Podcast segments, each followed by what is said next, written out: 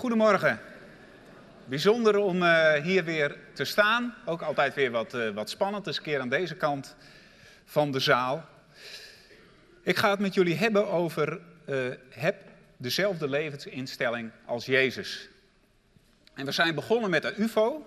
Dus ik neem je ook gelijk mee naar het heelal. Want eeuwenlang geloofde men dat de aarde het centrum was van het universum. De aarde als centrum en alles draaide daaromheen. De zon, de planeten, de sterren.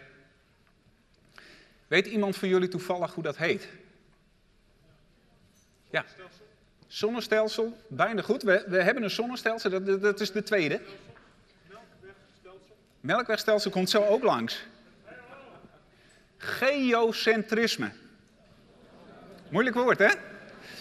Geocentrisme, wat betekent dat? Het lijkt heel ingewikkeld, het is vrij eenvoudig. Geo betekent aarde, denk maar aan geografie.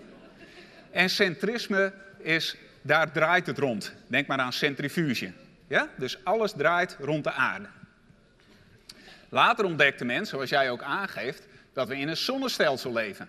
Dus de zon, daar draait de aarde omheen en daar draaien de planeten ook omheen. Weer later ontdekte men dat we deel uitmaken van de Melkweg. Die noemde jij ook al.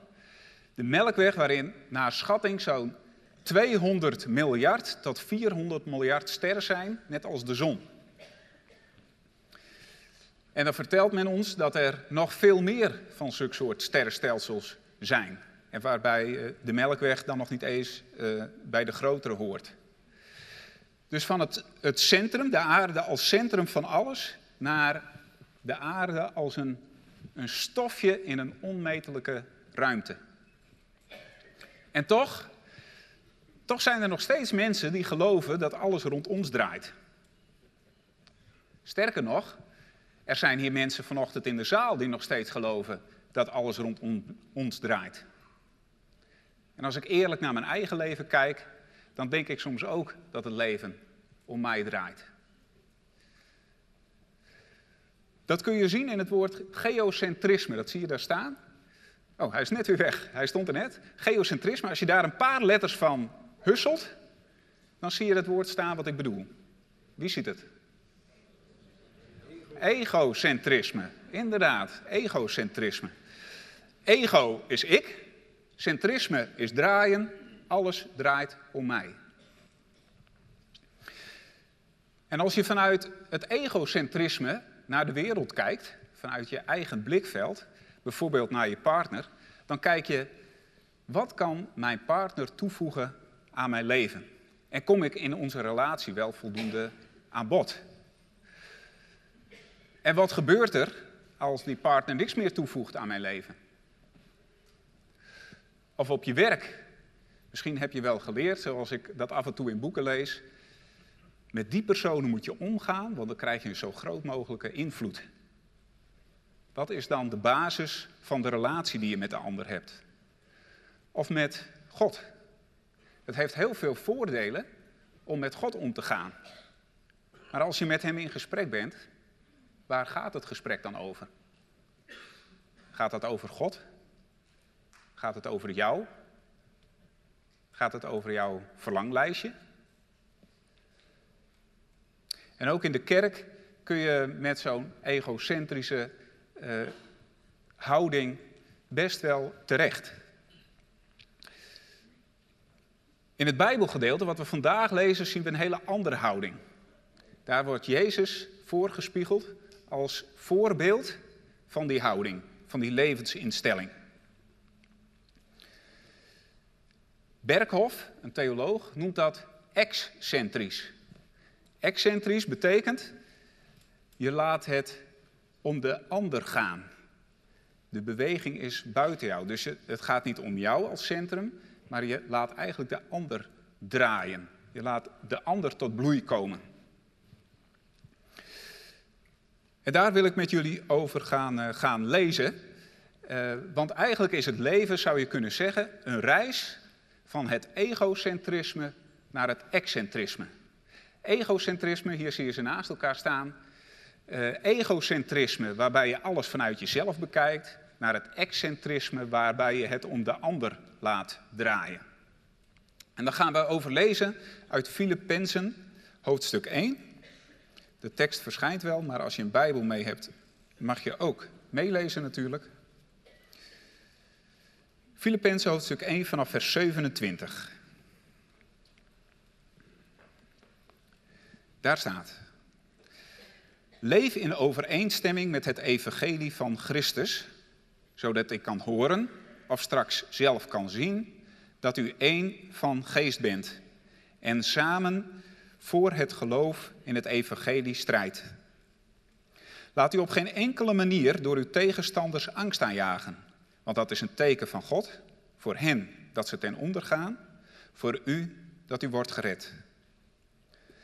Aan u is de genade geschonken, niet alleen in Christus te geloven, maar ook omwille van Hem te lijden. U voert dezelfde strijd die u mij vroeger hebt zien voeren en die ik, zoals u hoort, nog steeds voer. Nu, nu u door Christus zozeer bemoedigd wordt en liefdevol getroost, nu er onder u zo'n grote verbondenheid met de geest is, zoveel ontferming en medelijden, maak mij dan volmaakt gelukkig door eensgezind te zijn. Eén in liefde, één in streven, één van geest. Handel niet uit geldingsdrang of eigenwaan, maar acht in alle bescheidenheid de ander belangrijker dan uzelf. Heb niet alleen uw eigen belangen voor ogen, maar ook die van de ander. Laat onder u de gezindheid heersen die Christus Jezus had. Hij, die de gestalte van God had, hield zijn gelijk aan God niet vast, maar deed er afstand van.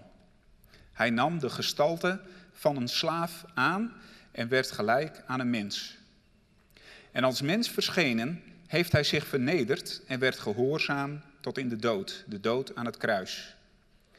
Daarom heeft God hem hoog verheven en hem de naam geschonken die elke naam te boven gaat, opdat in de naam van Jezus elke knie zich zou buigen, in de hemel, op de aarde en onder de aarde, en elke tong zal beleiden, Jezus Christus is Heer, tot eer van God de Vader. Nou, wat we gaan doen is dat we samen door dit Bijbelgedeelte heen gaan. En dan zal ik hier en daar wat, wat toevoegen en koppelen aan het thema. En dan hoop ik uh, dat het duidelijk wordt waar dit Bijbelgedeelte over gaat. Nou, Paulus die moedigt de gelovigen aan in deze brief om te blijven leven zoals ze dat al deden. Zoals hij het hen had geleerd nu de druk toenam van de christenvervolging. En daarnaast wil hij ook zeggen, Jezus is Heer. Want in deze periode was Nero keizer en hij liet zichzelf Heer en Redder noemen. En dat, daarmee ja, verheft hij zichzelf. En uh, Paulus die zegt, nee, Jezus is Heer. Dat hebben we net ook gelezen. Nou, in de eerste verse van hoofdstuk 1, eh, die we gelezen hebben, van 27 eh, tot hoofdstuk 2, daar zie je eigenlijk dat Paulus zegt, hou vol. En daarnaast gaat hij heel dicht naast deze gemeente staan. Hij identificeert zich als het ware met hen. Hij zegt, ik moet lijden, jullie moeten ook lijden. Ik weet wat het is. Ik leef met jullie mee. Ik strijd met jullie mee. We gaan samen deze missie volbrengen. En zo komt hij heel dicht bij hen staan. En eigenlijk de hele brief, hij wordt ook wel vriendschapsbrief genoemd, ademt van dichtbij. dichtbij. En hij doet dat, dat is ook een bepaalde schrijfwijze. Hij doet dat om een groot appel te kunnen doen op deze gemeente. En dat gaat hij dan ook doen vanaf uh, hoofdstuk 2, vers 1. Dan vertelt hij eerst wat is er al in de gemeente. Daar staat uh, nu u door Christus zozeer bemoedigd wordt en liefdevol getroost, nu er onder u zo'n grote verbondenheid met de geest is, zoveel ontferming en medelijden. Dus dat betekent Christus is bij de gemeente betrokken. Hij, hij uh, troost hen en hij bemoedigt hen. De Heilige Geest is erbij betrokken, die bindt hen samen. Maar er is ook liefde onderling, uh, ontferming en medelijden. En dan zegt hij, die basis is aanwezig, maar ik, ik wil jullie nu een weg wijzen die nog hoger voert. En dat wil ik ook graag vandaag met jullie naar kijken. Er staat dan, maak mij dan volmaakt gelukkig. Dus Paulus staat nu heel dicht naast die Filipijns en dan zeg je, wil je mij echt gelukkig maken? Doe dan het volgende. En wat roept hij dan toe op? Dan zegt hij, door eensgezind te zijn. Eén in liefde, één in streven, één van geest. Nou, ik heb even op de sheet het woordje eensgezindheid uh, neergezet. Die verschijnt zo wel. Want in het woordje eensgezindheid, uh, ja, dat drukt iets bijzonders uit. Daarin staat het woordje één, het woordje eens, het woordje gezin, het woordje één gezin. Al die woorden kun je eigenlijk maken van dit woord. Dus dat drukt iets uit van samen. Samen doe je dit. En gezindheid, of gezind, eensgezind, gezindheid betekent levensinstelling, waaruit je leeft. Dus Paulus zegt met andere woorden, als iedereen dezelfde levensinstelling heeft, dezelfde houding waaruit je leeft, die hij straks gaat beschrijven, dan maak je mij volmaakt gelukkig.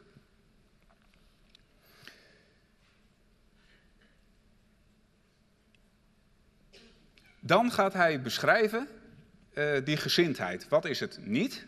Daarna beschrijft hij wat is het wel. En tenslotte geeft hij de Heer Jezus als voorbeeld van deze gezindheid. We gaan eerst kijken wat het niet is.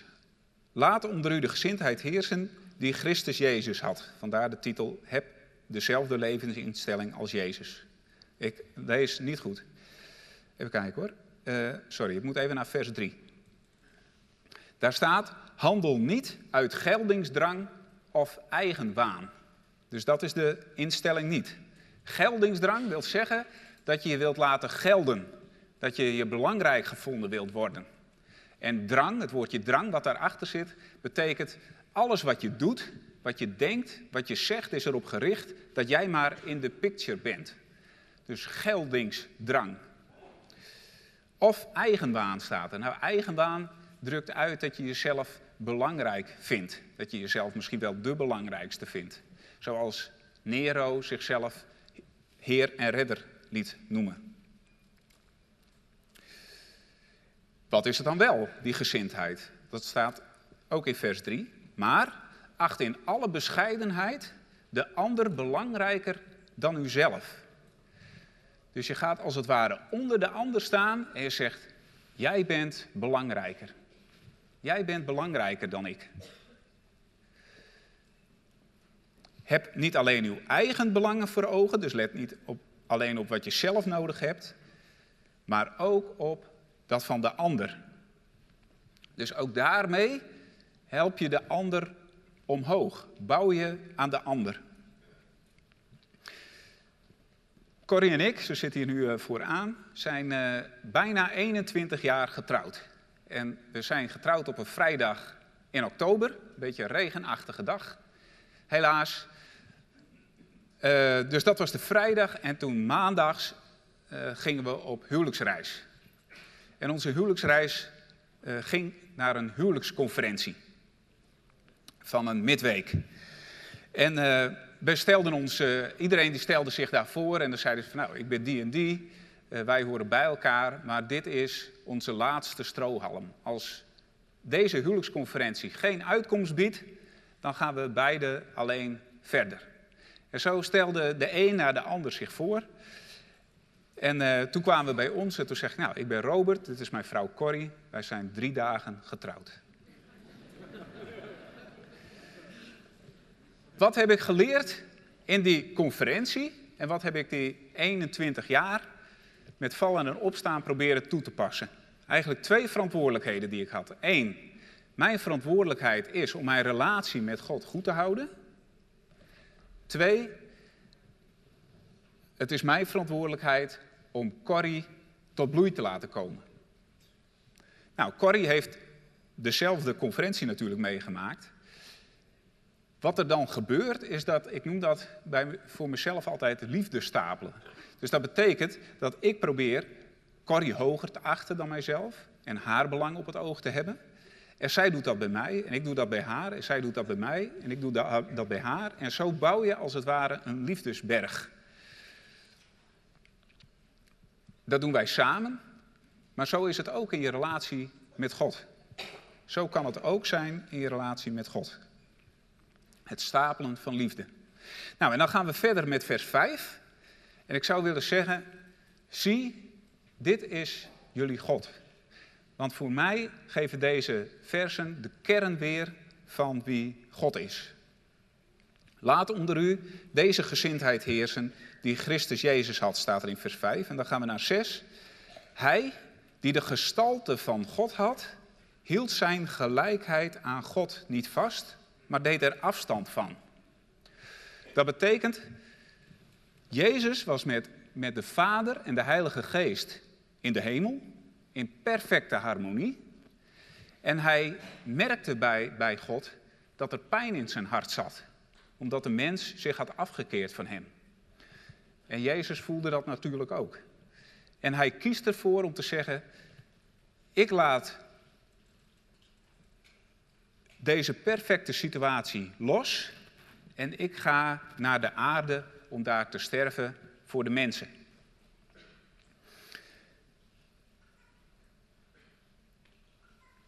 En hij legt dan zijn alomtegenwoordigheid en andere eigenschappen die hij heeft, legt hij af. Dus daarin zet hij het belang van God en het belang van ons als mensen voorop. En dan gaan we nog verder. Hij nam de gestalte aan van een slaaf en werd gelijk aan een mens. En dat roept dan gelijk het beeld op van Johannes 3, eh, 13, eh, waarbij Jezus en zijn discipelen een maaltijd zullen houden. En dan gaan ze naar die zaal en dan komen ze binnen. Geen slaaf. Nee, wat waren zij gewend? Als je ging uh, eten met elkaar, want het is heel stoffig in Israël en ze liepen op sandalen, dan ging je je voeten wassen. Want je lag aan om te eten. En als je buurman dat niet gedaan had, dan knast het zo tijdens het eten. Dus dan gingen ze de voeten wassen. En dat deed altijd een slaaf. Maar die was er niet. Dus je ziet als het ware een gevecht bij die discipelen ontstaan in hunzelf. Ja, ik niet. En de ander denkt, nee, ik ook niet. Dan hadden ze maar een, een slaaf moeten regelen. En dan op een gegeven moment, dan bukt Jezus en dan wast hij de voeten van de discipelen. Hij achtte de ander belangrijker dan zichzelf. Hij ging onder hen staan. Gaan we verder. En als mens verschenen heeft hij zich vernederd en werd gehoorzaam tot in de dood, de dood aan het kruis. En dan roept hij uit: Mijn God, mijn God, waarom hebt u mij verlaten? Vanuit die perfecte relatie die hij had in de drie-eenheid, werd hij mens, werd hij slaaf, werd gekruisigd als misdadiger en mist die relatie met God. Doordat hij de zonde op zich krijgt. Hij offerde zichzelf op. Hij achtte ons belangrijker. Nou, doordat God zo is, ontstaat er een probleem. Dat ik bij mezelf onderken en mogelijk dat u dat ook bij uzelf herkent. Want als iemand alsmaar goede dingen aan jou geeft, dan kun je daar op een gegeven moment wat lui van worden. En dan denk je, kom maar op. Ik moest uh, in de voorbereiding denken aan dat je in een stoel zit en je zit naar je favoriete tv-programma te kijken van, uh, nou, laten we zeggen, EO of Family 7. En dan zit je daar en je hebt wat drinken en, en een lekker borrelhapje. En dan kijk je daarna en dan komt die zon die schijnt door het raam. Precies op je beeldscherm. En dan zeg je, God, kan de zon wat sneller ondergaan vandaag? Want zo kan ik mijn favoriete programma niet zien. En dan zeg je erbij, ja, ik geloof dat u het kunt. Zo kunnen we soms dingen van God maar vragen en onze verlanglijstjes bij Hem neerleggen. De truc is om in plaats daarvan de liefde te gaan stapelen. Niet achterover te hangen en lui te worden, maar een liefhebber te worden van God. Om te doen wat Hij belangrijk vindt. Zijn belang op het oog te hebben. En als je dat doet, dan krijg je zoveel meer dan in een eisende, vragende relatie die je met God kunt hebben. Corrie en ik die doen dat wel eens aan tafel. Dan liggen er nog twee stukjes vlees in de pan. En dan zeg ik tegen Corrie, kijk, die is voor jou. En dan zegt ze tegen mij, nee, die is voor jou, dat is de grootste. En jij hebt hard gewerkt vandaag. Zeg nee hoor, die is voor jou, want jij hebt het eten klaargemaakt, of hoe dan ook. Dan lachen de kinderen altijd wat. Maar eigenlijk is het met God net zo. Je kunt een soort liefdespel met hem aangaan, waardoor je uh, alleen maar versterkt met elkaar en verdiept. God die heeft steeds de neiging om ons op te tillen. Die heeft steeds de neiging om ons belangrijk te maken. Hij deed dat al met Adam en Eva bij de schepping. Hij maakte hen en toen zeiden jullie mogen heersen over deze tuin. En Adam en Eva dachten van wauw, wij zijn belangrijk. En dan komt Satan langs en die zegt, maar er is nog een hogere weg. Want je kunt gelijk worden aan God. En dan grijpen ze naar die vrucht en dan vallen ze eigenlijk diep. Want ze hebben niet die waarde uit zichzelf, maar ze hebben die waarde omdat God hen die heeft gegeven. Zij hadden moeten antwoorden door juist te doen wat God belangrijk vond. Hoe anders dat Jezus dat doet in de verleiding in de woestijn, de verzoeking in de woestijn, waar Satan tegen Jezus zegt: Al deze koninkrijken zal ik je geven als je voor mij buigt. Maar Jezus doet dat niet. Hij kiest ervoor om het belang van God en ons belang als mensen voorop te stellen. En dan komen we bij vers 9 en daar staat: En daarom, omdat Jezus deze instelling heeft en dit heeft gedaan, daarom heeft God hem hoog verheven. En hem de naam geschonken die elke naam te boven gaat. Opdat in de naam van Jezus elke knie zich zal buigen in de hemel, op de aarde en onder de aarde. En elke tong zal beleiden, Jezus Christus is Heer. Tot eer van God de Vader. Want hij leefde tot eer van hem.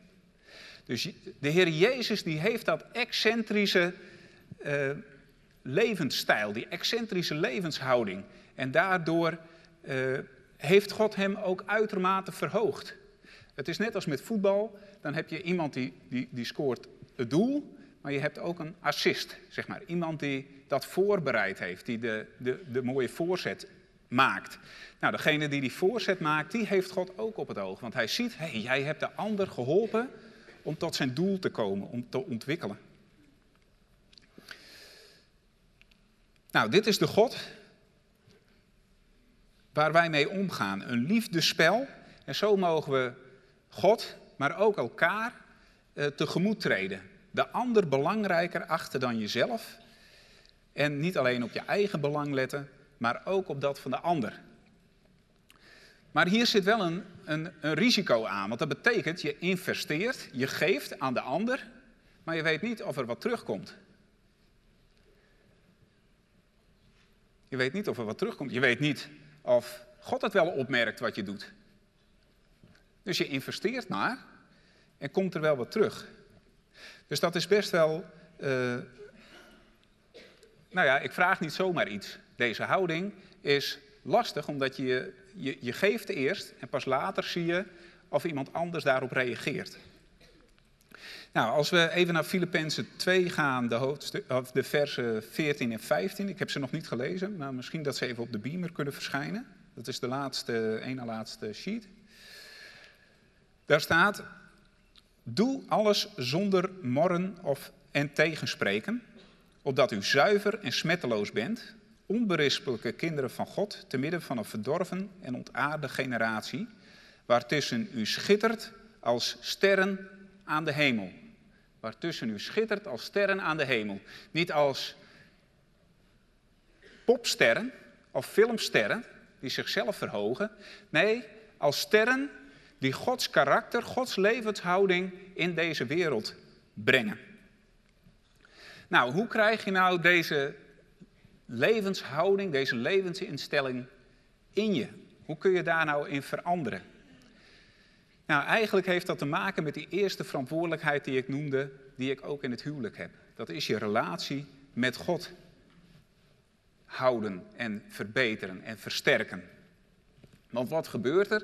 Eh, de vorige keer dat ik hier gepreekt heb, een jaar geleden, had ik het over in- en uitademen. Nou, doordat je met God omgaat, adem je als het ware zijn karakter, maar ook deze levensinstelling in. Het wordt deel van jezelf. En dan, dus eigenlijk is het 100% God die dit in je bewerkt. Maar aan de andere kant is het ook 100% jouw keuze en inzet.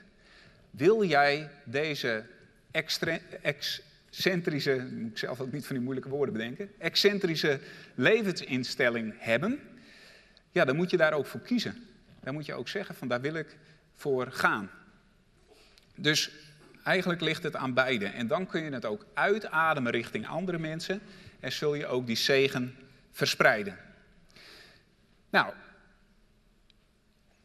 uh, het, het zou mooi zijn als iedereen naar elkaar zou kunnen uitspreken dat je zegt van hé, hey, maar ik wil jou voortaan op deze manier benaderen.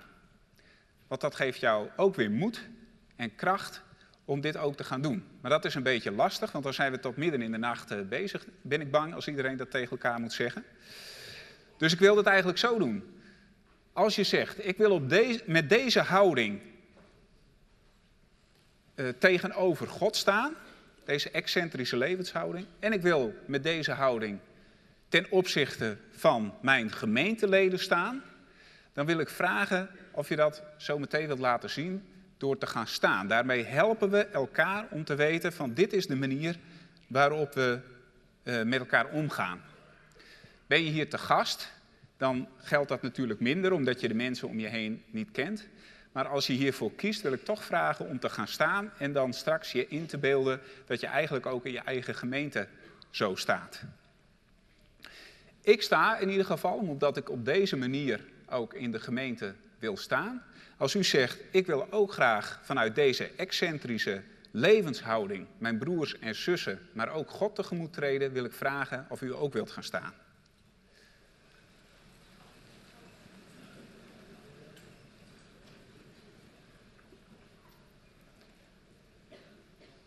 Nou, als we dit met elkaar kunnen waarmaken, broers en zussen, dan zullen we uh, nog krachtiger als een ster hier schijnen in Drachten. Ik zou zeggen, kijk even om u heen en kijk dan naar de ander en denk, ik wil voortaan jouw belang op het oog hebben. En ik wil jou belangrijker achten dan mijzelf.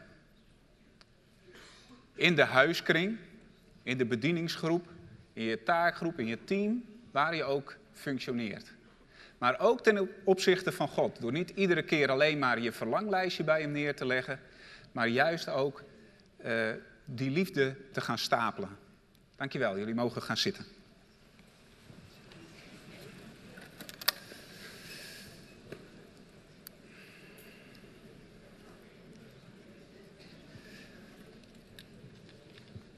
Is er een van de kinderen die zegt: Ik kan wel uitleggen wat deze UFO te maken heeft met, de, met wat ik net allemaal heb verteld. Dan wil ik graag even je hand zien. Hier zie ik wat handen. Ja. Wil jij naar voren komen? Jij hebt hem zo hoog.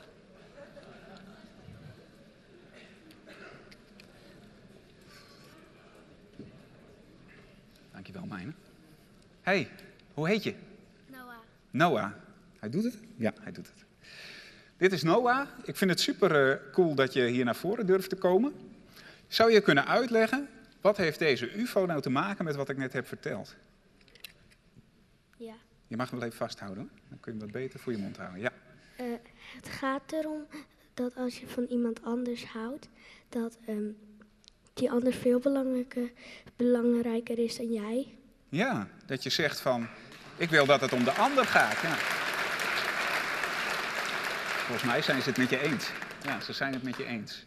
Ja, want uh, dan laat je het niet alleen om jezelf draaien, maar ook om de anderen. Ik vond het wel grappig. Ik schoot hem dus net af, hè, helemaal aan het begin. En dan vliegt hij weg. En dan zie ik dus al die ogen die gaan achter deze aan, hè, in plaats van deze. Dus als je een excentrische levenshouding hebt, dan ben je deze eigenlijk. Uh, en als je, dan schiet je de ander weg. En dan zeg je, hé, hey, maar jij bent belangrijker. Jij bent, ik wil jouw belang op het oog hebben. Nou, dat is hartstikke goed. hey, dat is deel 1. Dus hij is nu van jou. Maar ik heb toch nog een vraag voor je. Uh, want we hebben het natuurlijk over goed zijn voor de ander. Zou jij deze ook aan iemand anders willen geven die hier in de zaal is? Een van de andere kinderen?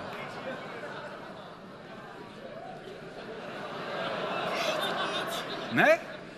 Heb je iemand waarvan je denkt van, hé, hey, kijk, als je nou even rondkijkt, die zou hem wel willen hebben? Of wil je hem gewoon zelf houden? Zelf houden? Dat is prima.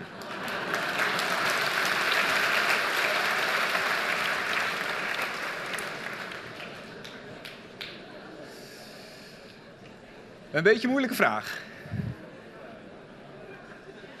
Zullen we nog eh, met elkaar eh, afsluiten met gebed?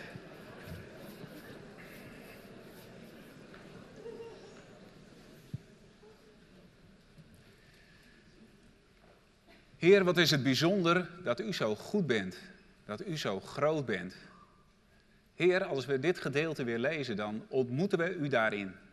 U die het goede met de ander voor hebt. U die de ander verhoogt. U die zegt van jij bent belangrijker dan ik. Ik word wel slaaf, dan heb jij schone voeten. Heer, dank u wel dat u zo goed bent, dat u naar deze wereld bent gekomen, dat u uw perfecte situatie hebt verlaten, omdat u ons belang op het oog had. We zijn onder de indruk van wie u bent.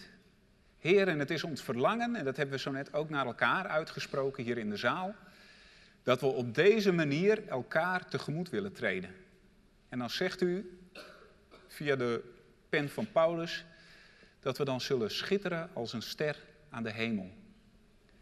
Heer, het is mijn verlangen dat we niet alleen individueel, maar juist ook als collectief, als gemeente samen uh, zo'n ster zullen zijn hier in Drachten, omdat we op dezelfde manier in het leven staan als uw zoon deed. Geef ons daarvoor de kracht, om Jezus wil. Amen.